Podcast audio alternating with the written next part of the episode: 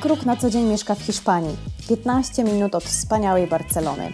Nie przeszkadza jej to zarządzać 11 butikami stacjonarnymi w Polsce oraz kilkudziesięcioosobowym zespołem w jej firmie Ania Kruk. Historia tego nazwiska zapewne jest Wam znajoma, ale ja zapraszam Was dzisiaj do bardziej intymnego świata Ani. Do uczenia się biznesu od zera, do trudnych decyzji o relokacji i do sposobów na łączenie życia i pracy na odległość. To bardzo szczera rozmowa, w której nie brakuje śmiechu i pozytywnej energii, którą Ania roztacza wszędzie, gdzie tylko się pojawi. Serdecznie zapraszam.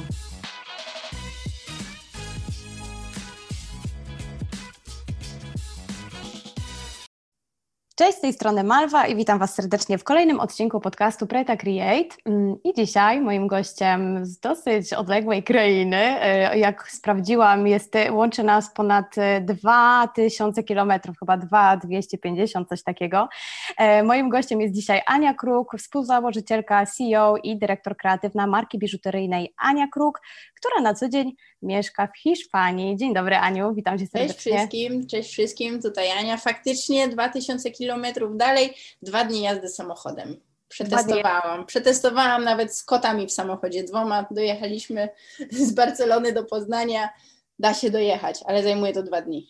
To jest wątek, który potem chyba poruszę na privie, bo ja też mam dwa koty i psa i też z nimi się będę musiała na jesień relokować, więc będziesz musiała mi tutaj chyba podpowiedzieć, jak to zrobiłaś. Testowałam obie opcje, i samolotem, i samochodem.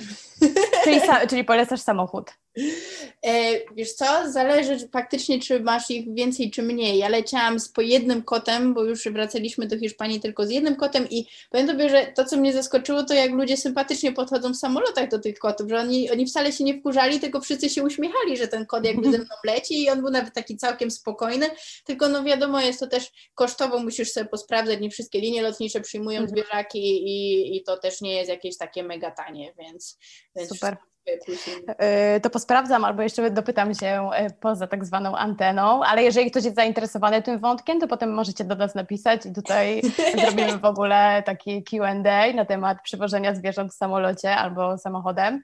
E, Ania, ty jesteś w Barcelonie dzisiaj, w tym momencie też w czasie naszej rozmowy i pierwsze pytanie, czy, czy u Was też jest tak ciepło, bo u nas jest gorąco dzisiaj w Krakowie?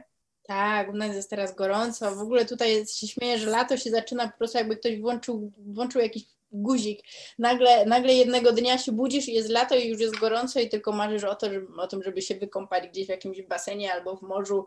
I, i, I często faktycznie tak robimy, że na przykład idziemy tylko po południu na chwilę nad morze, żeby się wykąpać, żeby się po prostu ochłodzić. I, i, i to wcale nie jest wtedy takie plażowanie całodzienne, jak jestem przyzwyczajona jakby ze wspomnień z dzieciństwa w Polsce, tylko to jest takie, dobra, idziemy na plażę, wykąpiemy się i wracamy. E, ty akurat mieszkasz w małej miejscowości pod Barceloną. Powiedziałaś mi też przed chwilą, że 15 minut do Barcelony, więc e, do morza rzeczywiście nie jest daleko. E, od tej Hiszpanii, od mieszkania za granicą chciałam zacząć, bo nie ukrywam, że no też dla mnie personalnie, ale myślę, że dla wielu naszych słuchaczy jest to super ciekawy wątek, mm, bo myślę, że też dużo osób marzy o pracowaniu, nie wiem, z Bali, właśnie z Hiszpanii, z plaży.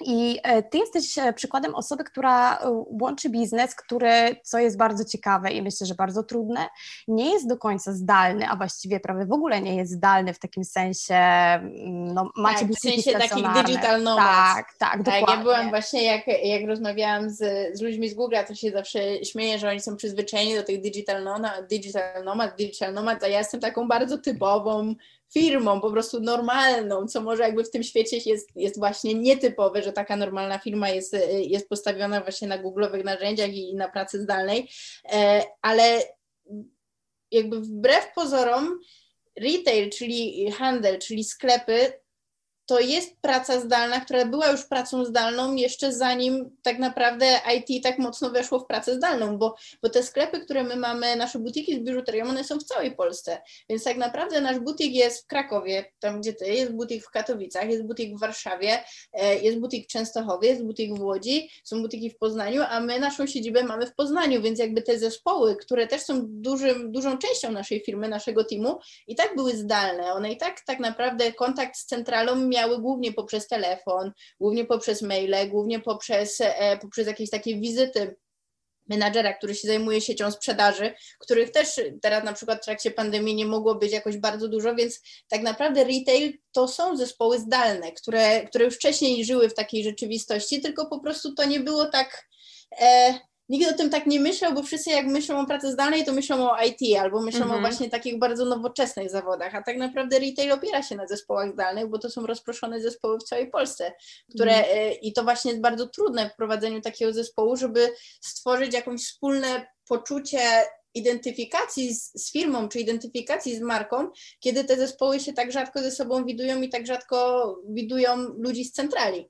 Więc, mm. więc to jest na pewno takie, takie dosyć duże wyzwanie, ale przez to chyba też to ta praca zdalna, umie, przez to my byliśmy w jakimś sensie przygotowani do tej pracy zdalnej, bo już wcześniej ja o tym dużo myślałam, jak dziewczyny z butików zintegrować z centralą, jakiego rodzaju narzędzia muszę wprowadzić e, do firmy, żeby, żeby ta komunikacja była lepsza. I to był chyba też jeden z takich moich e, najważniejszych motywatorów, żeby, żeby nowocześniejsze narzędzia do pracy zdalnej w firmie wprowadzić, które potem mi umożliwiły z kolei wyjazd do Hiszpanii i, i mhm. zarządzanie całością zdalnie. Mhm. A ile masz osób w zespole na ten moment? E, nas jest, e, nas jest teraz chyba około 80. Wow. E, z tego, że właśnie tak jak to mówiłam, no, główna część tego to są, to są właśnie butiki. Prawie 50% mhm. tego to są, to są dziewczyny z butików. Butików macie 10 czy więcej na ten moment w Polsce? 11. 11. 11, 11 mhm. butików w całej Polsce. Czyli 11 butików stacjonarnie, 80 osób. Wszystko na ten moment jest w Polsce, ty jesteś w Hiszpanii i mówisz, że to się da ogarnąć. Tak, da się ogarnąć, da się ogarnąć, tylko e, jak mnie na przykład ktoś tak pyta, no dobra, no to, no to, no to jak często, czy oni to wysyłają dużo, nie wiem, paczek kuryją do Hiszpanii? Ja mówię, no, no, nie, to też nie jest tak, że ja do Polski nie przyjeżdżam, to jest taka mm. praca zdalna, ale jednak e, z moimi częstymi przyjazdami do Polski, bo, e, bo tak jak mówimy o tej branży IT, która pracuje zdalnie, to wydaje mi się, że praca na projektach, w momencie, kiedy nie musisz zarządzać zespołem albo pracować dużo z ludźmi, też zdalnie jest prostsza, jest dla nas gdzieś tam bardziej oczywista. A kiedy y, jedną z moich najważniejszych właściwie ról, jakie pełnię, jest zarządzanie zespołem, to to ja muszę też przyjechać fizycznie do Polski, żeby ten zespół zobaczyć. Ja okej, okay, jestem z nimi w kontakcie cały czas na czacie, na, na wideokolach, ale jednak takie um, jest ileś takich rzeczy, które po prostu wolimy robić na żywo, więc kiedy ja zaczęłam, ja pracuję zdalnie już z Hiszpanii 3 lata i, mhm. i na samym początku w ogóle to był dla mnie, nie, to był dla mnie na tyle duży stres, to przejście na pracę zdalną, czy właśnie to się da, bo, bo, bo to samo pytanie, które ty mi zadałaś, to ja zadawałam sobie cały czas, czy to na mhm. pewno się da, czy to wypali, to ja przyjeżdżałam do Polski co dwa tygodnie tak naprawdę, więc, e, więc kluczowe było gdzieś tam jakieś e, dobre i tanie połączenie mhm. lotnicze po prostu, które te dwa miejsca ze sobą łączy. Ja byłam e, co dwa tygodnie na jakieś takie trzy dni w Polsce, cztery dni w Polsce, potem co trzy tygodnie, potem co miesiąc. Teraz w czasie pandemii to wszystko oczywiście jeszcze się skomplikowało i posypało, bo po prostu połowa połączeń lotniczych zniknęła. Mhm nie można było podróżować. Podróżowanie się stało strasznie drogie, bo trzeba było płacić za wszystkie testy, mhm. więc, e, więc przyjeżdżałam co dwa, co dwa miesiące, ale za to na dwa tygodnie, jak już przyjeżdżałam mhm. do Polski. Ale zdecydowanie ten mój model pracy, w momencie, kiedy tak istotnym czynnikiem jest zarządzanie zespołem, to są. E, no to są też częste wyjazdy. To też, e, to też jest troszeczkę życie na walizkach, ale wydaje mi się, że bardzo że i tak jeżdżę mniej niż na przykład wielu menadżerów z korporacji, które znam, których po prostu ciągle wysyłają na jakieś mhm. spotkania w różne rejony i, i, i, wyjeżdżają na przykład co tydzień gdzieś na dwa dni. To mhm. jednak wy, ja mogę to sobie dostosować pod, pod mój rytm i pod rytm mojego teamu, pod, pod nasze potrzeby tak naprawdę i, e, i wyjeżdżać wtedy, wtedy, kiedy ja chcę. Mhm. Żeby, żeby tak dać taki obraz naszym słuchaczom, yy, słuchaczom to yy, ty założyłaś markę ze swoim bratem Wojtkiem, yy, markę Ania Kruk, markę biżuteryjną, prawie 10 lat temu, prawda? 9, 9 tak, lat tak, temu. Dokładnie. 9 lat temu. I, i, I teraz tak trochę przedstawiając twój życiorys, powiedzmy, ty najpierw wyjechałaś do Hiszpanii na studia, prawda? W wieku 20 paru lat. Tak, wszystko po kolei. Najpierw wyjechałam, najpierw poznałam mojego męża. Więc e, u mnie gdzieś ta cała praca na odległość trochę e, się śmieje, że historia zaczyna się od tego, że mój mąż jest Hiszpanem. Znaczy wtedy jeszcze nie mąż, ale, e, ale najpierw poznałam moje, mojego przyszłego męża, który jest Hiszpanem. Trochę było tego bycia na odległość, potem ja się zdecydowałam wyjechać do Hiszpanii. Po drodze też mieszkałam, miałam Erasmusa we Francji, w Lyonie, tylko że właśnie już go spędziłam jeżdżąc w kółko do tej Barcelony i, e, i, i potem zrobiłam sobie jakby przerwę, rok w studiach w Polsce, żeby, żeby mieszkać i, i, i studiować w Barcelonie. Potem wróciłam do Polski, potem wróciłam do Hiszpanii, więc takie to było trochę jeżdżenie jeszcze takie studenckie, jeżdżenie mhm. i z powrotem. E, ja studiowałam projektowanie, e, projektowanie przemysłowe, projektowanie graficzne i typografię i przez to też dosyć łatwo chyba mi było pracować jako freelancer i, i tak sobie właśnie jeździć. Nie musiałam wtedy wtedy myśleć o pracy na etacie, tylko mogłam sobie pracować skąd, skąd chcę. Mm, I to było fajne. I potem wróciliśmy do Polski w momencie, kiedy, kiedy założyliśmy firmę, kiedy y, no, no, cała historia naszej firmy i, i, i, mar, i marki jest, jest długa bardzo i skomplikowana, bo bo my mamy prawie 200 lat tradycji. Jesteśmy najstarszą, jedną z najstarszych firm rodzinnych w Polsce. Mój prapradziadek założył mały warsztat biżuteryjny w XIX wieku, e, robił różne e, srebrne zastawy dla arystokracji czy srebrne elementy dla kościoła. Potem przekazał to mojemu dziadkowi. Mój dziadek dwa razy tracił tą firmę przez różne zawirowania historyczne. Potem to, ten mały warsztat złotniczy przejął mój tata i, e, i doprowadził go do takiej dużej skali, chyba najbardziej znanej marki jubilerskiej w Polsce, jaką jest Wukruk. E, potem przy wejściu na giełdę i, i, przy różnych z kolei zawirowaniach giełdowych Wukruk został przejęty przez Wistulę, a my jako rodzina nie jesteśmy już w tą, w tą markę zaangażowani, ona została po prostu marką w portfelu dużej korporacji, a, a mój tata chciał zbudować gdzieś zacząć na nowo trochę, żeby nie stracić tego dziedzictwa. I poprosił mnie i mojego brata, żebyśmy właśnie wrócili do Polski i, i, i pomogli mu gdzieś odbudować to, e, to, to, to rodzinne dziedzictwo. I stąd Stąd pomysł, żeby wrócić, ale wrócić jednak w nowej odsłonie, nie robić drugi raz tego samego i wrócić pod marką Ania Kruk, czyli moim imieniem i nazwiskiem, bo to gdzieś się tak strategicznie łączyło z tym, że, że ja właśnie kończyłam projektowanie i, e, i postawić na markę biżuterii, której, której w Polsce nie było jeszcze, e, jeszcze na rynku, czyli taką bardziej nowoczesną, minimalistyczną i bardziej casualową biżuterię do noszenia na mhm. co dzień. -hmm. To oczywiście też to już jest z kolei kolejna długa historia, jak nasza marka ewoluowała, jakie zmiany przechodziła, ale, ale gdzieś cały czas to założenie, że po prostu to ma być biżuteria młodsza, bardziej casualowa, e, nie tak ekskluzywna i niedostępna, to założenie cały czas nam towarzyszy i, i uważamy, że to gdzieś jest taka nasza nisza na, na polskim rynku. Mhm. Ja o tą markę jeszcze na pewno będę, tak, w skrócie, e, w skrócie 200 lat historii. 200 lat. Dokładnie. Ja też swoją drogą pamiętam e, moment mój, mój taki, t, t, taki moment w ogóle troszeczkę takiego ozonka, że tak powiem, kiedy właśnie widziałam markę W-Kruk, a potem Ania Kruk i totalnie nie wiedziałam o co chodzi, wiesz, przepraszam, ale wtedy jeszcze po prostu jakoś e, nie, nie wiedziałam, nie wczytywałam się w historię i, e, i rzeczywiście totalnie nie mogłam zorientować, taka byłam zdezorientowana, nie wiedziałam, czy to jest ta sama marka, czy jakieś to samo portfolio właśnie, tak, czy nie. klienci często, przez to, że ja jestem też, mamy taką tradycję, żeby być um, przez to, że te butiki to są właśnie zespoły rozproszone, to jedną z takich naszych ważnych tradycji i rytuałów jest to, żeby w grudniu być w każdym butiku osobiście. Ja wtedy robię taki tour po Polsce, jestem w każdym butiku osobiście i, i właśnie wtedy się stykam, hmm, chodzi o to i żeby być zespołem i poznać zespół lepiej, e, ale też, żeby, e, żeby właśnie rozmawiać z klientami i ja właśnie wtedy się stykam też z tymi historiami na przykład, albo podsłuchuję trochę klientów, którzy mm. rozmawiają w butiku i to są właśnie takie dyskusje. A, to jest ten drugi klub, czy to jest ten, a który to jest klub? A czy tam była jakaś kłótnia w rodzinie? Albo na przykład, wiesz, ktoś przechodzi przy butiku i mówi, a okej, okay, to jest ta córka, okej. Okay. Więc myślę, że przez to, że też w nazwie jest Ania, a nie Anna, to dosyć łatwo się odczytuje, że to jest właśnie ta młodsza marka i, mhm. i jakieś ten, to przełożenie, ta córka jest, jest gdzieś y, dosyć, dosyć na takim poziomie intuicyjnym, łatwe, łatwe do odczytania, więc, więc te mhm. elementy gdzieś tam na, na, nam zagrały, ale oczywiście jakby no, no, no ważnym elementem tej strategii było dalej wykorzystanie rozpoznawalności tego nazwiska Kruk, bo to był ten, to był ten kapitał, na którym, na którym budowaliśmy. Mhm. Właśnie jedno z moich pytań jest takie wprost, czyli czy nazwisko pomogło Ci na samym początku, czyli mówiłaś, że y, budowałaś tą markę Ania Kruk razem z bratem od samego początku, czyli to było zupełnie nowa strategia, troszeczkę inny klient, y, inne produkty, ale miałaś świadomość tego, że jednak nazwisko jest naprawdę bardzo dobrze naprężoną trampoliną, która cię wybije w górę. Tak, tak, no to było główne założenie i też e, bez sensu byłoby na przykład pod nazwiskiem Kruk nagle zacząć robić buty. E, to, to jakby głównym założeniem było po prostu po pierwsze kontynuowanie tej tradycji, którą zaczął już mój pradziadek, czyli e, niezaprzepaszczenie tych tych 200 lat, które, takiego zaufania, które budowała po prostu moja rodzina do, do, do naszego nazwiska wśród konsumentów. A drugim właśnie mocna baza do tego, żeby stworzyć coś, e, coś jeszcze raz.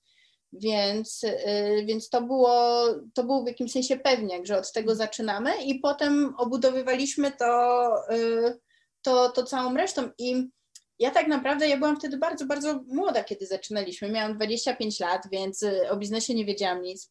Wszystkiego uczyłam się tak naprawdę e, w trakcie i na żywym organizmie, więc oczywiście zrobiliśmy milion błędów budując tą markę i milion błędów budując tą firmę, ale myślę, że tak, e, tak świadomie zarządzam tą marką i, i ogarniam od jakichś może czterech lat, może pięć lat, gdzie już, gdzie już zaczy, zaczynałam i potem te cztery lata, że już zaczęłam wprowadzać takie dobre decyzje i, yy, i naprawdę świadomie nią zarządzać i, i, i, zmierzać w tym kierunku, o który mi chodzi. Mhm. Czyli można powiedzieć, że na początku to było takie trochę wejście w buty e, firmy rodzinnej, a potem już, już granie na własnych zasadach. Mhm.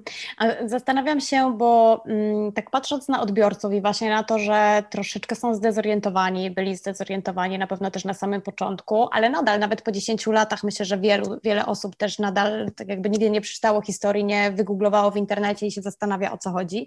I z jednej strony mamy nazwisko, które wiąże się z, kojarzy się z 200-letnią mm, tradycją jubilerską, a z drugiej strony jest właśnie nazwa Ania Kruk, Kruk która i, i produkty, które są świetne, świeże, nowoczesne, skierowane wydaje mi się raczej do, y, do innego klienta niż tradycyjny WKRUK. Y, na pewno do młodszej klienteli, do takiej bardziej odważnej, właśnie, która nosi biżuterię tak po prostu o, idąc sobie na zakupy do supermarketu nawet. I zastanawiam się, czy da się na tym, na tych dwóch rzeczach zbudować solidne DNA marki, tak żeby się klienci nie pogubili. To było trudne dla Ciebie na początku? Myślę, że trudniejsze było. Mm, czy dwa aspekty są trudne. Pierwszy aspekt, który jest trudny, to jest naprawdę wiedzieć, czego chcesz i dokąd zmierzasz. A drugi e, to jest umieć przełożyć to na środki i narzędzia w spójny sposób. Bo okej, okay, najpierw sobie doprecyzujesz gdzieś tam tą ideę, jeśli jakby już jesteś też na tyle dojrzała, że umiesz to zrobić, e, i tą misję, tą ideę, e, to czym jesteś, a czym nie jesteś, bo bardzo ciężko jest też powiedzieć, czym nie jesteś, bo podobno to jest tak, że mamy zakodowane w głowie mm, taką awersję do straty i my jesteśmy takimi, bardzo nie lubimy takiego ryzyka, że, że tego nie zrobimy. Boimy się stracić, że tam gdzieś jest jakaś okazja, której nie wykorzystamy, więc bardzo ciężko nam jest mówić nie i bardzo ciężko nam jest na przykład powiedzieć nie, kiedy się pojawia jakaś atrakcyjna okazja, która nas może zepchnąć z naszego kursu, więc bardzo ciężko jest wyznaczyć sobie taki kurs i powiedzieć, my nie chcemy robić dziesięciu rzeczy na raz, my chcemy robić te dwie rzeczy, w których jesteśmy dobrzy. Więc to jest bardzo trudne, żeby sobie właśnie powiedzieć, nie i żeby jasno wiedzieć, który to jest, y, która z tych dziesięciu opcji jest naszą opcją i naszym kierunkiem. A druga bardzo trudna rzecz jest przełożyć to spójnie na wszystkie kanały, które trzeba zaprojektować. Czyli e, żeby klient czy odbiorca poruszając się i po naszym butiku, i po stronie internetowej, i po social media, miał cały czas wrażenie, że to jest, że komunikujemy to samo, że to jest spójne, mhm. bo e, jest taki tryliard drobiazgów, o które możesz się potknąć, gdzie jakaś taka niespójność może wyjść, e, że to jest, e, no, że to jest po prostu bardzo złożony proces. Im więcej kanałów tak naprawdę prowadzisz, tym, tym wyżej sobie stawiasz poprzeczkę, żeby to ogarnąć. Mhm. Bo okej, okay, możesz mieć na przykład w którymś momencie tak mieliśmy, że już nasz Instagram wyglądał tak, jak chcieliśmy, żeby wyglądał i, i, i ten, ten, ten telefon sobie przy, przy ekranie postawiłam obok naszej głównej strony i mówię, kurczę, nasza strona nie wygląda jak nasz Instagram. Mhm. I, I trzeba było zastanowić się, jakie elementy zmienić na stronie, bo oczywiście nigdy nie masz budżetu, żeby wszystko wywalić i zacząć mhm. e, od zera stawiać stronę, albo od zera zrobić remont 11 butików, bo nie w takich realiach się poruszamy, e, więc musisz się bardzo mocno zastanowić, które są te kluczowe elementy, które też nie są nie wiadomo jak drogie, że jeśli te elementy zmienisz, to, y, to jednak już będzie wrażenie o wiele bardziej spójne. My na przykład jak robiliśmy redesign butików, to określiliśmy, że ważne jest wyeliminowanie dwóch elementów, które były ze starego designu i jeśli te dwa elementy wyeliminujemy, to już całość, ok, może to nie będzie tak dobry efekt, jak gdybyśmy, gdybyśmy zrobili mm, otworzyli butik na nowo, tylko że to oczywiście byłoby jakieś 200 tysięcy złotych, ale jak wymienimy tylko te dwa elementy, to już i tak butik będzie robił o wiele lepsze wrażenie, o wiele bardziej spójne z resztą naszej marki, więc trochę takie myślenie, po pierwsze ogarnianie tego tryliona szczegółów, zwracanie na to uwagi, a po drugie myślenie trochę nice have i must have, co jest, e, oczywiście super byłoby zrobić redesign całości, ale może uda się wyłowić dwa elementy, które też zmieniając je już będziemy bliżej tego naszego celu. Mhm. A tak z ciekawości bardziej do Was e, przychodzą klienci tak zwani masowi, czyli macie butiki w dużych miastach, w galeriach zazwyczaj, czyli tam jesteście nastawieni jednak na klienta masowego też. E, czy jednak to są osoby bardziej świadome, które na przykład znajdują Was e, przez Instagrama albo znajdują Was na fali popularności polskich marek, mniejszych, lokalnych, znaczy nie takich małych, ale polskich marek po prostu? Mi się wydaje, że jesteśmy właśnie gdzieś pomiędzy, że mamy trochę takich i trochę takich. To też jest gdzieś nasza nisza, że z jednej strony my, e, my w internecie konkurujemy bardziej z tymi markami modowymi, można powiedzieć, a z kolei w offline konkurujemy z tymi markami masowymi, bo jednak w mhm. offline po prostu klient idzie tam, gdzie mu jest wygodnie. Jeśli on lubi daną galerię handlową, to on będzie chodził do tej galerii handlowej, więc my na przykład sobie zrobiliśmy taką analizę, ile, ile sklepów z biżuterią jest w danej galerii handlowej, gdzie my mamy butik. I faktycznie niektóre są bardzo nasycone, że mamy jeszcze 12 innych marek, a niektóre są takie, że są tylko dwie inne marki i wtedy mhm. jakby od razu ta konkurencja jakby dookoła jest, jest, jest też inna i Natomiast wydaje mi się, że my mamy przede wszystkim naszym, nasz klient to jest ktoś, kto dla którego biżuteria nie jest do końca oznaką statusu. Jest bardzo dużo osób, dla których biżuteria jest oznaką statusu. I to nie są nasi klienci. My mamy klientów, dla których biżuteria jest czymś, co im poprawia humor. Biżuteria jest czymś, co sprawia, że się czują atrakcyjnie. Dla nas e, może my bardziej konkurujemy z markami, my na przykład konkurujemy, czy ktoś sobie kupi nową sukienkę, czy nowy naszyjnik. Mhm. Wiesz, że to jest trochę bardziej, e, wydaje mi się, że mamy o wiele większy procent kobiet, które kupują biżuterię dla siebie samych u nas w butikach, y, niż inne bardziej masowe marki, gdzie bardziej biżuteria jest kupowana na prezent. Mhm. Biżuteria trochę ma krzyczeć, zobacz ile na to wydałam pieniędzy. Więc e, pod tym względem mamy, my zupełnie nie bazujemy na tym insightie, że biżuteria ma zaznaczać Twój status. Dla nas biżuteria ma Tobie dodawać pewności siebie, dla nas biżuteria ma być, e, ma być takim dodatkiem, trochę taką zbroją. Ja to lubię porównywać do skórzanej kurtki, że zakładasz skórzaną kurtkę i mhm. po prostu czujesz się silniejsza.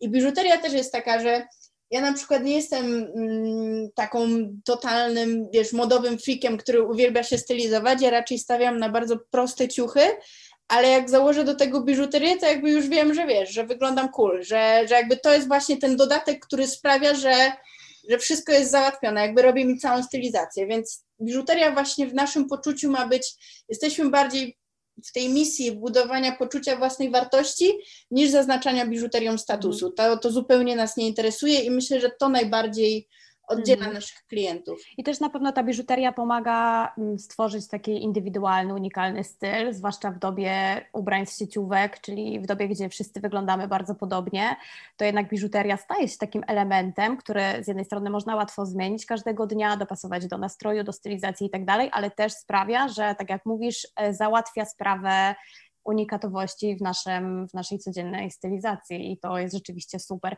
I myślę, że też dlatego w tym momencie jednak obserwujemy bardzo duży boom na marki biżuteryjne. Na pewno też to obserwujesz. Od 10 mhm. lat prawie prowadzisz markę e, i powiedziałaś, że byliście jedną z pierwszych, o ile nie pierwszych e, marek, która rzeczywiście wyczuła, że biżuteria nie musi być e, oznaką statusu, czyli może być czymś po prostu casualowym.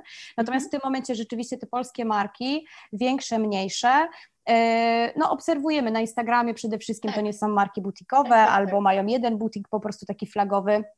E, natomiast rzeczywiście jest taki trend, że coraz więcej jest, e, jest tych marek biżuteryjnych. A to Cię jakoś niepokoi? Albo czujesz taki oddech konkurencji na karku, czy nie? Wiesz co? Nie, bo myślę, że ja w ogóle nie, nie, nie mam sobie za dużo rywalizacji. Nie wiem, czy znasz tą metodologię pracy na talentach Galupa, ale tam są mhm. właśnie jest, jest 30 ileś talentów i, i, ja tą rywalizację mam na szarym końcu. Więc ja w ogóle nie mam czegoś takiego, żeby, żeby jakoś bardzo patrzeć na innych. E, I mieszkając w Hiszpanii właśnie widzę, jak bardzo jak dużo biżuterii noszą Hiszpanki. I jak, e, że to jest tutaj zupełnie normalne, dwa naszyjniki, cztery kolczyki na jednym uchu. I, i po prostu to jest trend, który według mnie wchodzi do Polski. I tutaj takich marek biżuteryjnych jak moja w Hiszpanii jest po prostu, nie wiem, 100. E, a na naszym rynku ich, e, okej, okay, one się pojawiają mhm. faktycznie, ale e, jest ich coraz więcej, co według mnie jest właśnie takim naturalnym procesem, że idziemy trochę w tą stronę co Hiszpania, e, co gdzieś dla mojej branży jest, jest dobrą wiadomością w sumie, ale ale my właśnie jesteśmy gdzieś pomiędzy, bo tak jak powiedziałaś, te wszystkie inne polskie marki, one, one są właśnie markami, które nie mają swoich butików, bądź też mają jeden butik i głównie działają w online. I my przy tym się na, na ich tle wyróżniamy, bo jesteśmy w tych e, centrach handlowych, gdzie z kolei trafiamy do innego rodzaju odbiorców i też budujemy rozpoznawalność, czy też budujemy takie zaufanie, że to jednak jest większa firma, to jest firma bardziej stabilna, to jest firma, która też w tych, e, w tych właśnie dużych punktach jest i zaraz nie zniknie z tej mapy, e, więc to nas też gdzieś wyróżnia, że jesteśmy pomiędzy tymi dwoma światami i przez to bazujemy też na różnych rodzajach klientów, bo jednak klient online i offline oczywiście częściowo to jest ten sam klient, ale też częściowo to jest inny klient. My na przykład widzimy, że te same akcje promocyjne w online działają, a w offline nie działają lub na odwrót. Albo e, że klient w, online, w offline galerii handlowej to jest często klient, który potrzebuje prezent na ostatni, na ostatni moment i on musi wyjść już teraz z tą torebeczką z prezentem. Mhm. Więc bardzo fajne jest też budowanie marki na różnego rodzaju segmentach po prostu klientów, bo wtedy nie jesteś tak bardzo uzależniony od, od jednej grupy.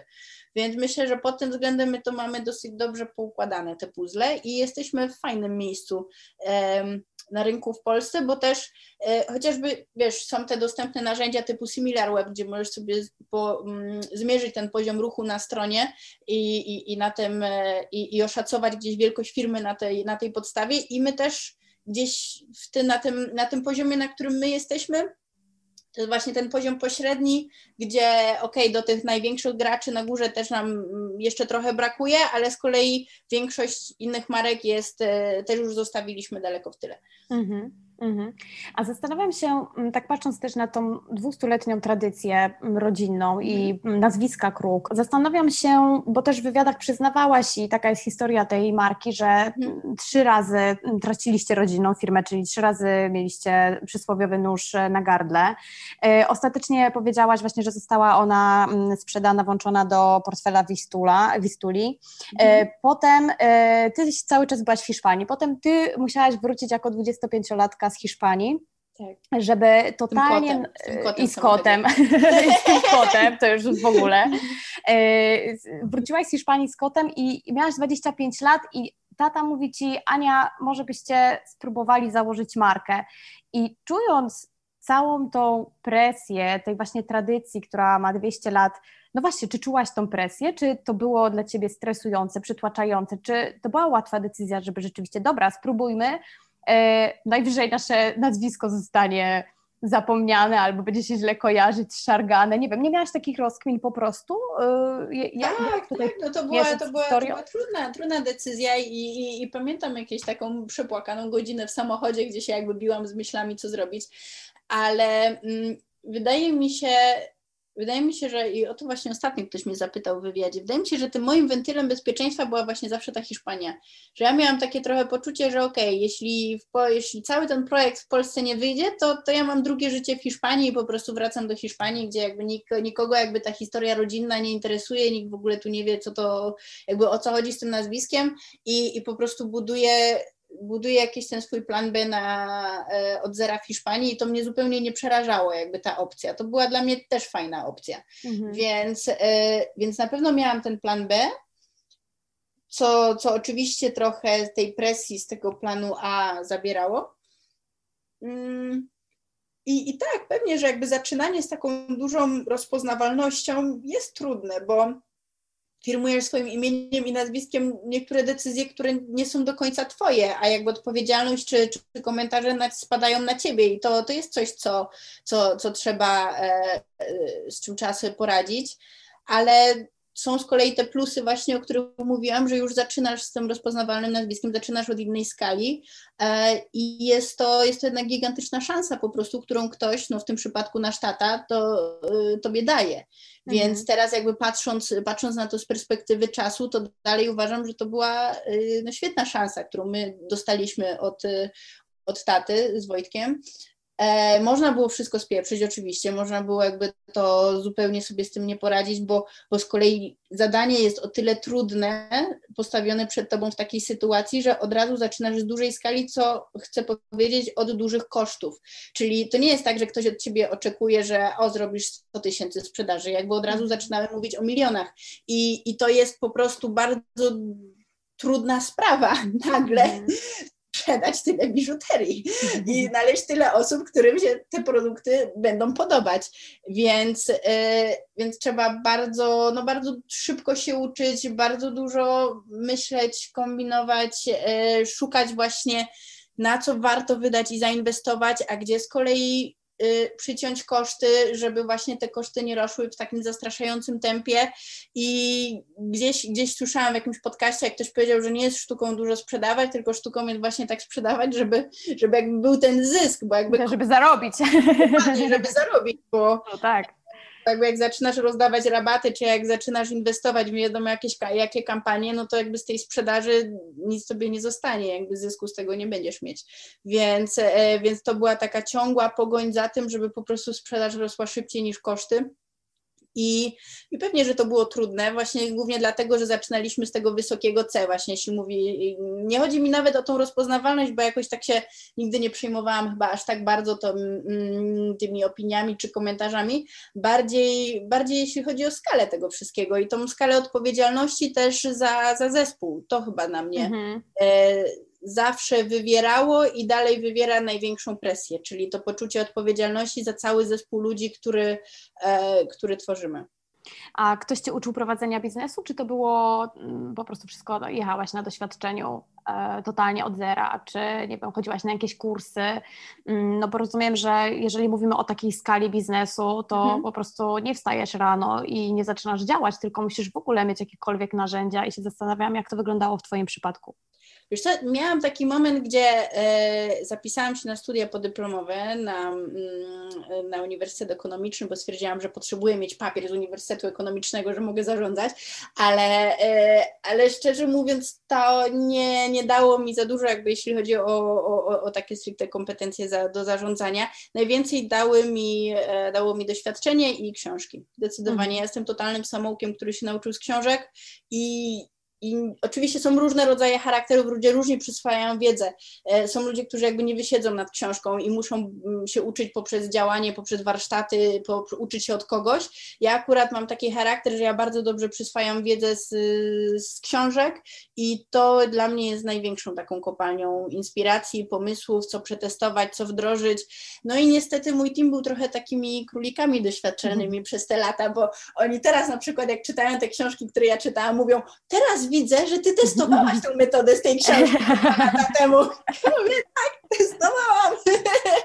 Więc niestety testowałam i uczyłam się na żywym organizmie, co, y, co z jednej strony nie jest do końca dobre, bo jakby we mnie jest taki wyrzut sumienia, że ja nie byłam dobrym menadżerem jeszcze, wiesz, te, te 7 lat temu, czy te, te 6 lat temu, ale, y, ale jest to na pewno taka no taki chrzest ognia, chrzest bojowy, żeby naprawdę się wziąć i od razu przekuwać w praktykę te doświadczenia, o których czytasz. I, mm -hmm. Zresztą ty, ty, na swoim prywatnym Instagramie e, prowadzisz taki mały kącik książkowy, klub książ książkowy i polecasz wszystkie tak, książki, tak, które czytasz i też odwołuję wszystkich, ja też tam sobie śledzę. E, robię listę i czekają w kolejce, e, więc jeżeli mam przeczytać te książki i mieć taki, taką skalę biznesu jak Ania Kruk, to czemu nie? dziękuję, bardzo mi miło. No, ja to, oczywiście mam kolejny wyrzut sumienia, że robię jakby jeszcze za mało tych książek, ale e, no, to jest taki moment życia teraz z dwójką małych dzieci, że, że jak, tylko, jak tylko znajdę czas, to czytam i wtedy od razu robię relacje i polecam, mhm. ale faktycznie to jest e, no dla mnie to jest, to jest taki dostęp, to jest niesamowite ile wiedzy naprawdę jest dookoła nas, wystarczy tylko do niej sięgnąć i, i, i po prostu ją odkryć i poświęcić na to czas. Y, chyba największym wyzwaniem w naszych czasach będzie selekcja tego, żeby wiedzieć, kogo słuchać po prostu i nie rzucać się na, na, na, na konsumowanie wszystkich treści, jakie są dookoła, bo tych treści jest po prostu takie strasznie mhm. duże ilości. I też te treści są teraz tworzone przez osoby, które mm, nieraz mają jeden kurs ze sobą. Tak naprawdę każdy mhm. może założyć profil na Instagramie i, y, i się nazwać y, samozwańczym właśnie, nie wiem, guru biznesu, tak, czy guru sprzedaży internetowej i po prostu ja też to obserwuję i to jest przerażające i tak jak mówisz, takie sito konkretne, kto rzeczywiście dobrze e, pisze, nie wiem, e-booki albo kto rzeczywiście ma wiedzę popartą wieloletnim doświadczeniem, no jest bardzo, bardzo potrzebne. E, natomiast jeszcze w takim razie zapytam Cię o coś, co na pewno jest Twoją domeną i troszkę o tym rozmawiałyśmy sobie jeszcze przed rozmową, natomiast to jest super ciekawe, że marka e, nazywa się Ania Kruk, czyli to jest swoje imię i nazwisko, e, natomiast ty, to nie jest marka ta, w takim znaczeniu, jak teraz jest bardzo dużo marek na Instagramie, e, nie wiem, Ewa Chodakowska, no to wiadomo, tak, dokładnie, i te, tego typu rzeczy, czyli nie jest to marka, marka autorska, natomiast no, jest siłą rzeczy po prostu bardzo z Tobą związana. Nazywa się Ania Kruk. Dokładnie. I jak, jak z jednej strony Ty radzisz sobie właśnie trochę z taką chyba presją, mimo wszystko, że to jesteś Ty tak naprawdę, a z drugiej hmm. strony to nie jesteś ty. Jak, jak ty do tego podchodzisz? Bo to jest bardzo ciekawe zjawisko.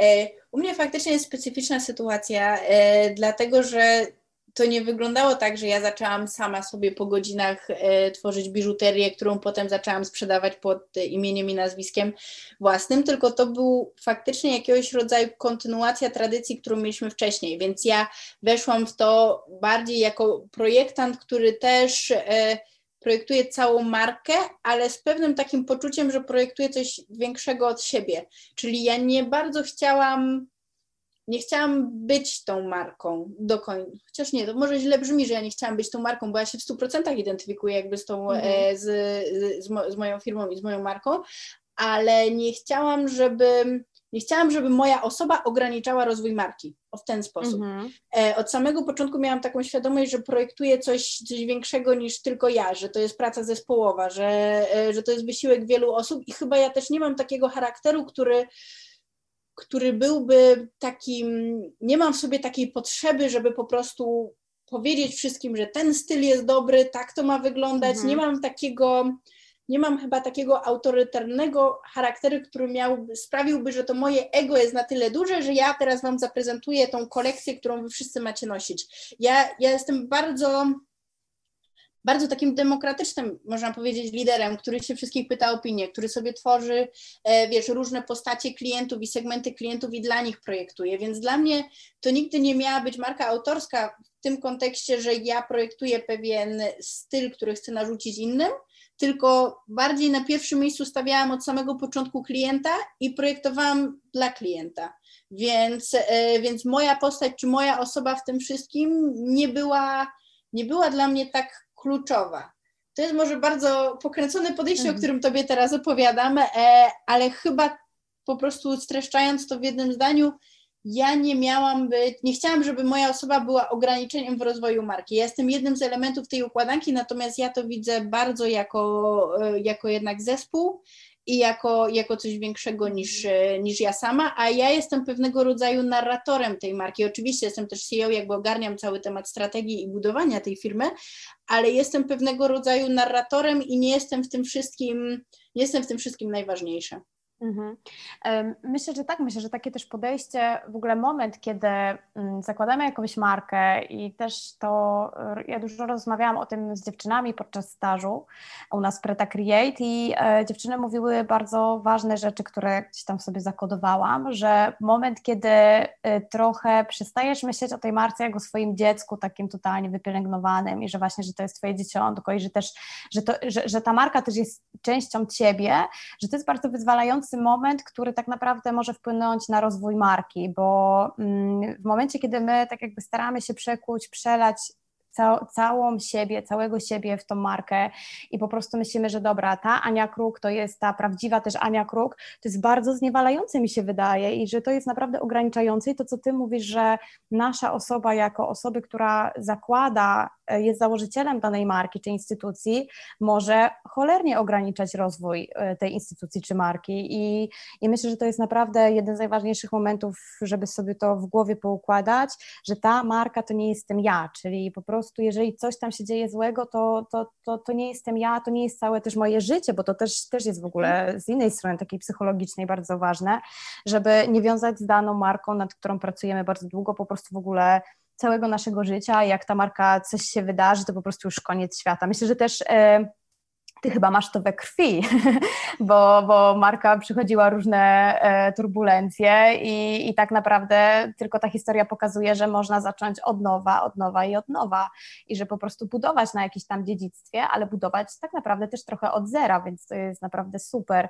Mm, ja A... myślę, że gdzieś w ten pokręcony sposób, że zaczynamy, e, kontynuujemy tradycję rodzinną, ale zaczynając od zera i po swojemu, ja się bardzo odnalazłam, bo y, myślę, że gdybym weszła do takiej firmy rodzinnej, gdzie wszystko jest poustawiane i miałabym pracować na marce, która już jest sprecyzowana, której nie mogę stworzyć od zera, to, to że wcale bym tego nie lubiła i wcale bym tego nie chciała. Więc na pewno dla mnie jest bardzo istotny ten aspekt, no ta decyzyjność, to, że, e, to, że u nas w naszej firmie jakby decyzje podejmujemy my, po prostu grupa młodych ludzi i to nie jest jakieś, wiesz, grono facetów w garniturach, które ma, którzy mają totalnie inne wartości i totalnie inne priorytety, tylko grupa ludzi, którzy chcą roz, razem robić fajne rzeczy i to jest, yy, i to jest dla mnie bardzo istotne, mhm. że my po prostu zupełnie inaczej ustawiamy priorytety w firmie niż myślę w takich dużych korporacjach właśnie zarządzanych przez, wiesz, przez facetów od Excela, bo bo wtedy bardzo często gubiona jest ta perspektywa, albo na przykład bardzo dużo rzeczy jest lekceważonych, albo bardzo dużo rzeczy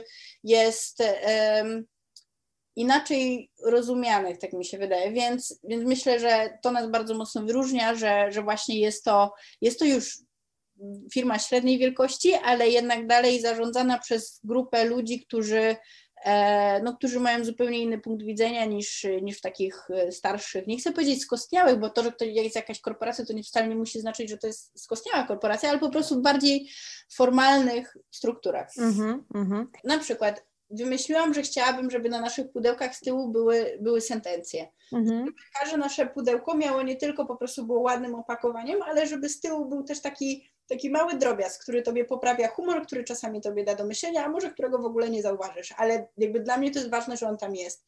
I to myślę, że też jest taki mały drobiazg, który y, w naszym rozumiewaniu jest fajny, a który może w takich dużych korporacjach byłby zupełnie gdzieś niezrozumiały, albo że a co oni znowu wymyślają, przecież to mm. będzie tylko drożej. Nie? I to. Mm-hmm.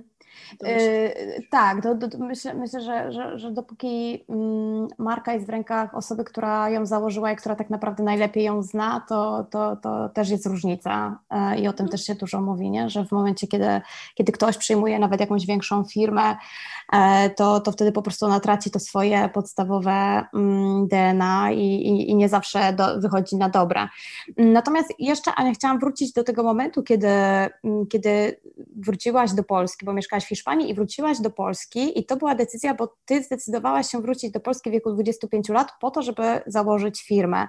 E, I ty byłaś świadoma, że żeby założyć tą firmę, czyli żeby zbudować w ogóle podstawy tego biznesu, e, musisz być na miejscu prawda? Bo byłaś chyba tego bardzo, bardzo tak. świadoma. Tak. No i na, poza tym byłam bardzo młoda, więc to też nie było tak, że ja nagle wszystko sama stworzyłam, tylko to mm. był jednak, e, to była jednak duża też praca mojego brata, to była współpraca z moim tatą. Ja tak jak Tobie mówiłam, ja od takich pięciu lat gdzieś czuję, że, że stoję mocno na tych nogach biznesowych i że podejmuję świadome decyzje, jakby świadomie kształtuję strategię firmy i jestem dobrym menadżerem. Natomiast wcześniej to była, e, no to była taka właśnie też nauka na błędach i, i, i zdecydowanie e, to nie jest tak, że ja wszystko sama zbudowałam, mhm. tylko, tylko to, jest, to jest team effort. Mhm. A co było dla Ciebie najtrudniejsze, mm, tak biznesowo, z biznesowego punktu widzenia na początku? Nie, to chyba wszystko. wszystko było trudne, bo, bo ja nic nie wiedziałam o biznesie i wszystkiego musiałam się nauczyć. Wszystko było trudne. Już o tych dwóch aspektach, które mówiłam, czyli ta spójność e, na tych różnych e, na różnych e, kanałach. Przede wszystkim chyba też produkcja.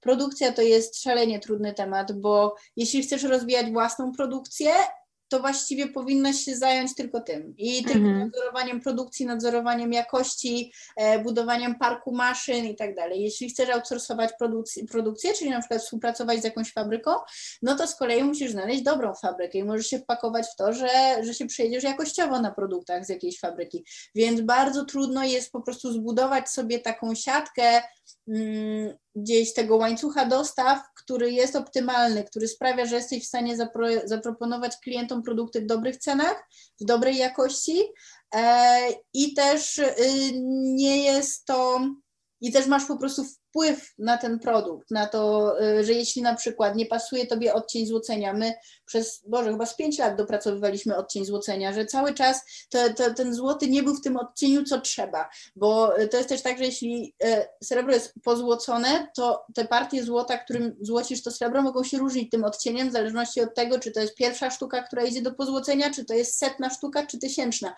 Więc żeby dopracować kolor pozłocenia, to jakby dalej mamy z tym jakieś tam minimalne problemy, ale powiedzmy, że najgrubszy problem już rozwiązaliśmy i to, to zajęło po prostu kilka lat, żeby, żeby to dopracować.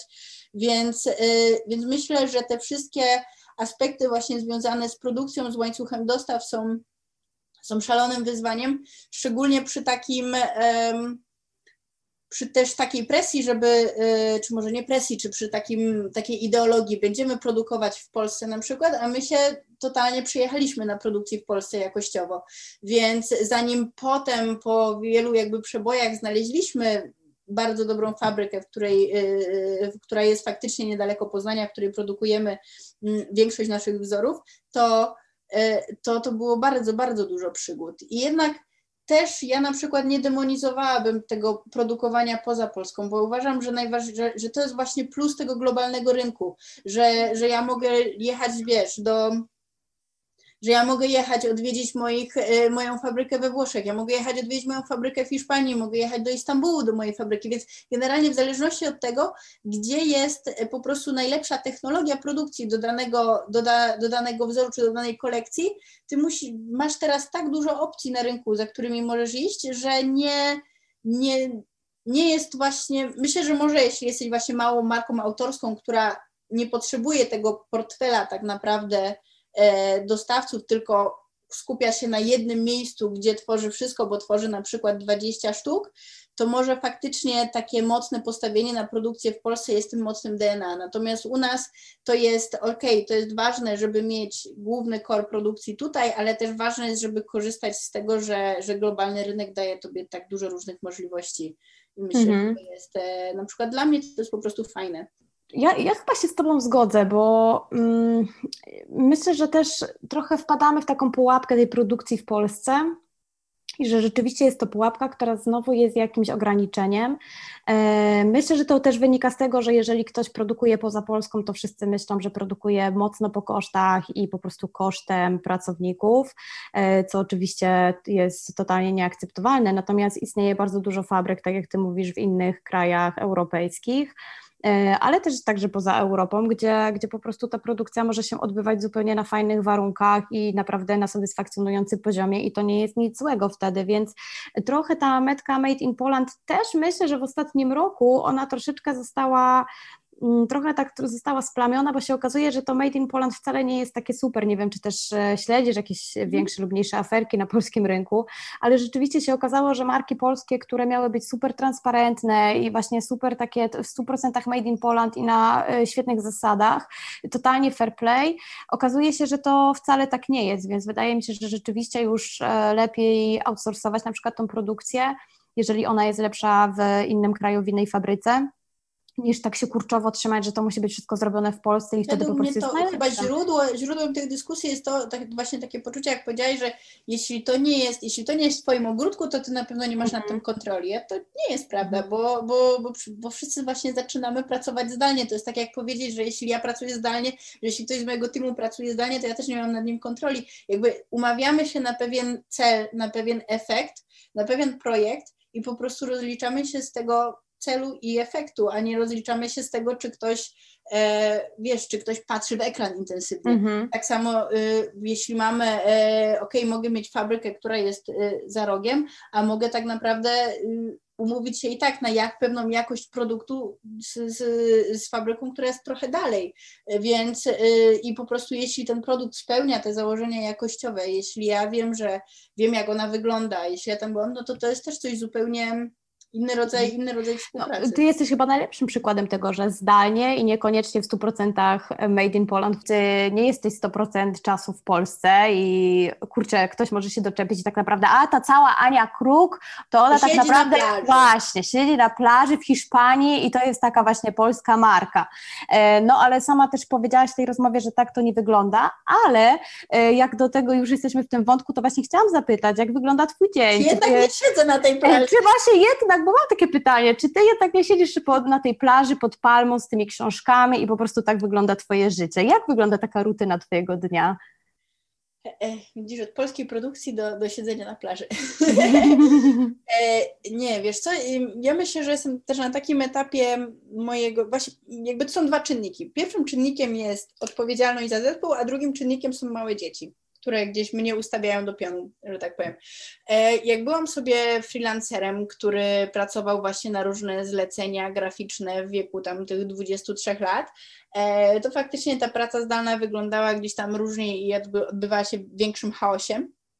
Ale odkąd to jest firma i odkąd jakby jest e, zespół i odpowiedzialność za ten zespół, co, co tak jak akurat odpowiedzialność mam w top 5 Galupa, więc odkąd jakby jest ten element, to ja mam w głowie i to, I to w ogóle jest tylko w mojej głowie. To nie jest tak, że ja nie mogę, tylko to jest jakaś blokada w mojej głowie. Ja bym w życiu na przykład, nie wiem, nie umówiła się na paznokcie na 13. W życiu. Bo ja po prostu mam w głowie, że ja rano zaczynam pracę i po południu kończę pracę i jakby nie daję sobie zupełnie przyzwolenia na, e, na w ogóle jakiś. Może ja jestem takim swoim największym, wiesz e, strażnikiem, można powiedzieć, mhm. ale ja sobie po prostu totalnie nie daję w głowie na takie rzeczy przyzwolenia, czy nie wiem, czy na wizytę u lekarza o dziewiątej nawet. E, najczęściej to jest tak, że, e, że to ja siebie bardzo pilnuję i też małe dzieci jednak ciebie bardzo ustawiają, jeśli chodzi o pewien rytm dnia, bo po prostu rano, po tym jak odprowadzisz dzieci do przedszkola, do żłobka, e, no to po prostu wracam, siadam do pracy, mhm. robię swoje i kończę wtedy, kiedy muszę iść po dzieciaki, więc to jest... Czyli e, codziennie pracujesz e, w, powiedzmy w przysłowiowych godzinach 9-17 czy, czy w jakichś innych, ale codziennie? Znaczy, no najczęściej więcej, nie? Naj, najczęściej mm -hmm. więcej. Mm -hmm. najczęściej więcej, ale, ale tak. tak. Mm -hmm. I, to podziwiam, bo to jest super trudne. Wiesz co, właśnie, no widzisz, właśnie dla mnie nie. Dla mnie właśnie to jest e, ja, ja, w drugą stronę chyba muszę przepracować z psychologiem to, że mogę czasem pójść na paznokcie od 13. No właśnie, y, no troszeczkę, wiesz co, trochę właśnie... W drugą stronę. Masakra, poczułam się y, troszkę jak taki leń straszny, bo ja, zwłaszcza w okresie wakacji, ja sobie daję bardzo dużo przyzwolenia na takie różne rzeczy i właśnie mam takie myślenie, ja z kolei po prostu jesień, zima pracuję na milion procent mm. i mogę pracować 12 godzin dziennie, ale w wakacje ja czuję totalne rozleniwienie i nie, i po prostu ja nie lubię pracować pracować dużo w wakacje, szkoda mi, yy, szkoda mi tego czasu I, i wiesz właśnie jak ty mówisz o, o lekarzu i paznokciach w środku dnia, sobie myślę, kurczę, no, a ja wczoraj byłam Ale... w środku dnia i teraz? Mi właśnie wyszło, widzicie, właśnie wyszło u psychologa, że ja nie umiem i to też jest złe, ale yy, są, wiesz, różne po prostu ścieżki i różne, różne, różne metody, osoby, i różne osobowości i, i wiesz, ty mhm. też na przykład nie masz dzieci, a ja mam taką, mm, jednak dzieci ciebie totalnie ustawiają do pionu pod tym kątem, że że ja po prostu już jak je odbiorę, to ja już nic nie jestem w stanie zrobić. Mm -hmm. I nie ma czegoś takiego, że ja do czegoś wrócę wieczorem i ja coś dokończę wieczorem. Wieczorem to już jestem tak zdegana i tak zmęczona, że, że po prostu nie ma na to, nie ma na to opcji przy, przy dwójce malutkich dzieci, więc e, mnie już, już kiedy się pojawiła moja pierwsza córeczka, mnie to tak bardzo ustawiało, że o kurde, o 17 muszę ją odebrać, ona wtedy kończyła 17.30, o 17.30 muszę ją odebrać, to mam jeszcze tylko godzinę, muszę mm -hmm. się wyrobić. Więc mnie to bardzo mocno dało mi taką świadomość wartości wartości każdej godziny. I tak jak ja może wcześniej na przykład nie byłam mm, asertywna, jeśli chodzi o różne projekty, tak w momencie, kiedy pojawiło się dziecko, ja wiedziałam, że albo sama siebie zajadę, e, biorąc na siebie ten projekt, albo muszę się wyrobić w godzinach pracy, albo to będzie w tym czasie, który już mogłabym spędzić z dzieckiem, czyli zabieram tą godzinę mojej córeczce. Więc wtedy się pojawiła taka totalna świadomość tego, jak cenna jest każda godzina. I, i to jest taka rewolucja w życiu, która która po prostu najlepiej pomaga tobie pracować nad efektywnością, ponieważ wyboru. Kiedy stwierdziłaś, w którym momencie biznesu stwierdziłaś, dobra, zostawiam was tutaj z tym całym grajdołkiem w Polsce i ja sobie wylatuję do Hiszpanii? Kiedy podjęłaś decyzję, że już e, rzeczywiście mogę, e, mogę sobie pozwolić na to, żeby prowadzić ten biznes zdalnie? To wiesz, co bardziej zależało od, e, to była decyzja, decyzja, która wynikała z życia prywatnego po prostu. Mój mąż jest Hiszpanem i, i on po tych pięciu latach w Polsce, e, które, które Dostał depresji? spędził po prostu tęsknił za słońcem. o, za niemożliwe. Powiedział mi, Ania, od trzech miesięcy nie widziałam słońca. Więc... E... Jeszcze kolejne trzy przed nami. Więc to był taki moment, kiedy już, już chciał wrócić do Hiszpanii i, e, i stwierdziłam, że tak jak wiesz, e, praca na odległość jest ok, tak związek na odległość nie jest ok i, e, i po prostu jakoś to będzie, jakoś damy radę. No i po prostu chciałam to wyzwanie przeniesienia się do Hiszpanii przekuć na korzyść dla firmy, bo znowu ta odpowiedzialność. Więc, e, więc z kolei przemyślałam to w ten sposób, że e, muszę po pierwsze zrobić restrukturyzację w firmie i zrobiłam restrukturyzację, ja to nazywam taką rewolucją zarządzania, która wtedy się odbyła. Muszę przejść na wszystkie narzędzia w chmurze, i muszę wykorzystać, trzecia rzecz, czas spędzany w samolotach, bo od początku wiedziałam, że to nie będzie tak, że ja nagle znikam i mnie nie ma, tylko po prostu będę bardzo dużo latać i przyjeżdżać mm -hmm, do mhm, Polski. Mm -hmm. I na samym początku to ja przyjeżdżałam do Polski co dwa tygodnie. Więc to było dużo czasu w samolotach, e, kosztem właśnie tej mojej małej córeczki, która już wtedy się urodziła. E, ale, ale ja stwierdziłam, że ten czas w samolotach po prostu poświęcę na, na czytanie książek. I to był właśnie ten start mojego projektu książkowego, że, że w każdym, każdy lot to było po prostu otwarcie na lotnisku już książki i jakaś książka biznesowa, która wyjdzie firmie na dobrze. Więc, e, więc to były takie moje trzy założenia. I, yy, I pewnie to był taki, to jest kolejny temat taki do przepracowania w głowie, że ja cały czas się czułam, że wiesz, że ja nie mogę wyjechać i zostawić firmy. Ja do teraz sobie uświadomiłam, jak bardzo mi to w głowie ciążyło. I, yy, a tak naprawdę da się, czyli, czyli po prostu no znalezienie sposobu, bardziej chyba mi to ciążyło właśnie mi w głowie, niż tak naprawdę mm. w realiach miało, e, miało znaczenie dla firmy, bo w firmie to wyszło tylko na dobrze. Jakby przez to, że tak dobrze się do tego przygotowałam i wprowadziłam te wszystkie zmiany, to, e, to po prostu to była, to była taka trampolina też rozwoju dla, mm. dla naszej firmy. I, I myślę, że gdybym nie wyjechała do Hiszpanii, to może, może, może nawet nasza firma dzisiaj by nie istniała. Mm -hmm. Więc to... ten wyjazd do Hiszpanii też był dla mnie takim bardzo dużym kursem delegowania, kursem zarządzania, kursem procesów i, i to wszystko, i to wszystko w firmie wyszło na dobre. Mhm. Czasami tak jest, że takie pojawiają się jakieś wyzwania y, w czasie prowadzenia biznesu i podchodzimy do nich jak do jeża i bardzo się boimy, mm, albo sobie wmawiamy, że nie damy rady, albo właśnie, że to jest poprzeczka, której po prostu nie przeskoczymy, a potem się okazuje, gdzieś krok po kroku wszystko da się zrobić i naprawdę wszystko da się ogarnąć i nie ma takiej rzeczy, która, której po prostu nie da się odkręcić albo nie da się po prostu zrobić. E, a już tak totalnie życiowo na koniec chciałam Cię zapytać, jak Ci się w ogóle mm, żyje też, e, no trochę jako imigrantka mimo wszystko, e, bo masz męża Hiszpana, dzieci oczywiście będą u siebie, e, troszeczkę pomieszane, ale tak naprawdę są u siebie. E, natomiast ty jesteś tą imigrantką i zastanawiam się, jak to, jak ci się po prostu żyje mm, też za granicą w Hiszpanii.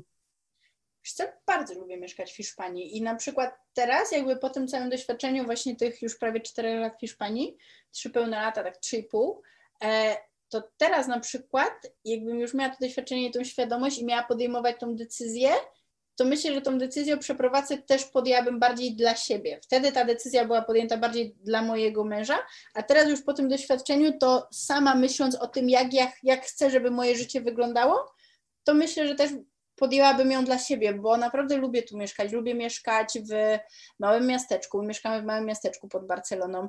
Lubię ten klimat bardzo, że mogę się poruszać pieszo, że mam 5 minut na plażę pieszo, że, e, że szkoła też jest 5 minut pieszo od, od domu. Wszystkie, wiesz, wszystkie sklepy, cokolwiek co chcę, mogę się poruszać bez, nie wchodząc do samochodu, tylko po prostu pieszo po wiosce e, i, i spotykając ludzi po drodze, gadając z ludźmi po drodze, więc jest taki, taki naprawdę lokalne życie, które, które się gdzieś tutaj toczy na tych wszystkich placach, na ulicach, z tymi dzieciakami biegającymi po ulicach i po, i po parkach.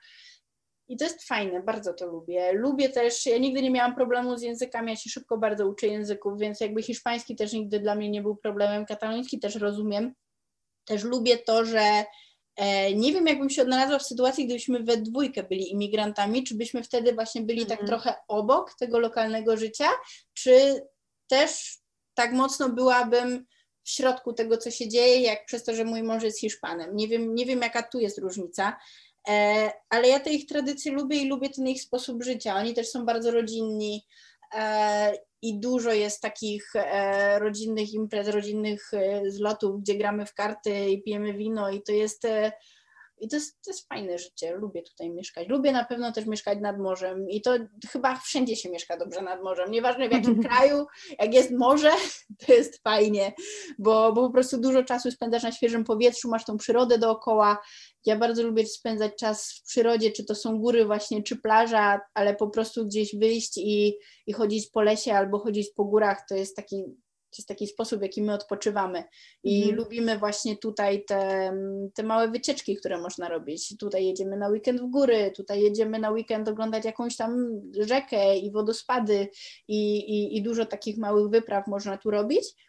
I też lubię bardzo to, że ludzie tutaj są, nie wiem, może to jest, to jest właśnie to poczucie imigranta, który jest wyrwany ze swojego środowiska, że czuje się mniej oceniana pewnym sensie. I to myślę, że też to doświadczenie, które tu miałam, że mieszkałam tutaj już jak miałam właśnie te dwadzieścia kilka lat, myślę, że dla mnie było też takie kształtujące bardziej, że ono pozwoliło mi nabrać jakiejś takiej większej pewności siebie i takiego uwolnienia od tego, że wszyscy muszą mnie lubić, czy że, e, czy że, że ktoś mnie ocenia. Jakoś tutaj się czuję o wiele bardziej swobodnie. Lubię tą różnorodność, że jak wyszliśmy gdzieś, nie wiem, na godzinę z domu, to i tak już widziałam e, dwie osoby na wózkach inwalidzkich, mhm. E, wnuka, który z taką bardzo starszą babcią jadł, jadł hamburgera w mhm. knajpie. W ogóle widziałam, wiesz, starsze babcie, które się razem spotykają w kawiarniach, czyli ludzie wychodzą z domów i zamykają się w domach, nieważne nieważne y, na jakim etapie życia są i, jak wyglądają. I... Tak, to też jest y, coś, co ja zauważyłam mm, teraz na wakacjach we Włoszech. Po pierwsze, że wszyscy wychodzą na zewnątrz i to jest na takiej zasadzie, że bierzemy sobie krzesełko z naszego domu i wychodzimy, po prostu bierzemy to krzesełko i siadamy przed domem, przed drzwiami domu. Tak, to jest na południu prostu, Hiszpanii tak. bardzo popularne. Dokładnie, dokładnie, bo byliśmy na południu i po prostu to było tak świetne. Oni nic nie potrzebowali, nawet nie mieli piwka w ręce,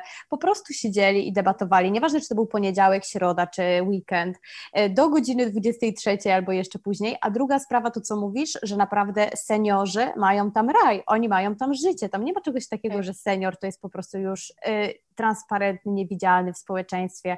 Oni są częścią tego społeczeństwa. Wiesz, to samo osoby na wózkach, nie? Te, Dokładnie. Ja w Polsce, ja w Poznaniu nie pamiętam, kiedy ja ostatnio widziałam, wiesz, y, ludzi po prostu poruszających się po Poznaniu na wózkach, a, a tutaj w ciągu, w ciągu godziny widziałam dwie mhm. osoby, więc, y, więc też Nikt jest nie jest trochę, wykluczony, prawda? Nieważne czy... jest chyba trochę mniejsze, znaczy pewnie nie, nie, nie jest tak idealnie, nie jest tak różowo, jakby też tutaj są różne manifestacje w różnych pewnie, tematach, pewnie. Ale, mhm. ale jest tego, jest na pewno mniej tego wykluczenia niż, na pewno to klimat w tym ułatwia po mm. prostu, że, że, że łatwiej jest wyjść na ulicę, jak, jak nie jest mokro, mm. e, ale jak nie jest mokro i ślisko, ale, ale jest tego, jest po prostu mniej tego wykluczenia, jest więcej tej różnorodności mm i mhm, rasowej, mhm. i, i na każdym, w każdym aspekcie, jaki mogłabyś pomyśleć.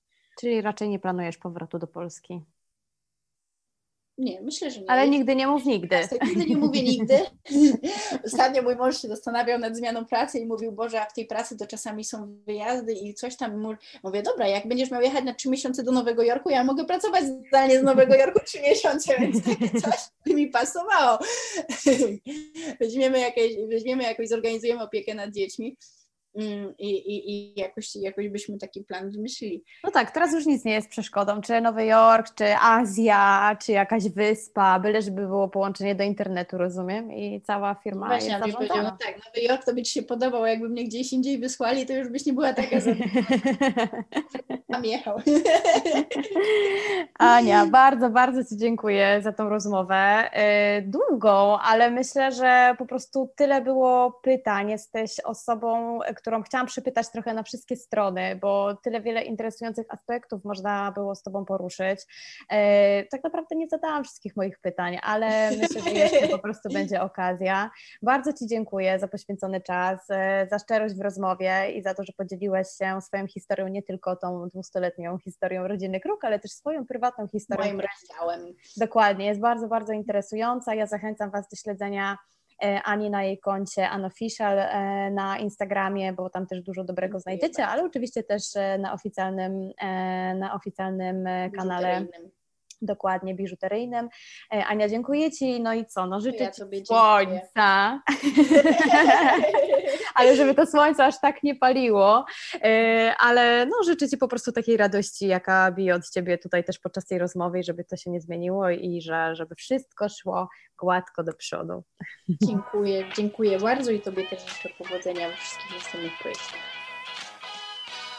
Jeśli podobała Ci się nasza rozmowa, śledź projekt Preta Create tutaj, na Instagramie, na Facebooku i w świecie realnym. W Preta Create tworzymy kreatywne szkolenia i warsztaty, nagrywamy podcasty i rozmawiamy z ludźmi z szeroko pojętej branży kreatywnej w Polsce. Przyłącz się do nas i rozwijaj ten projekt razem z nami.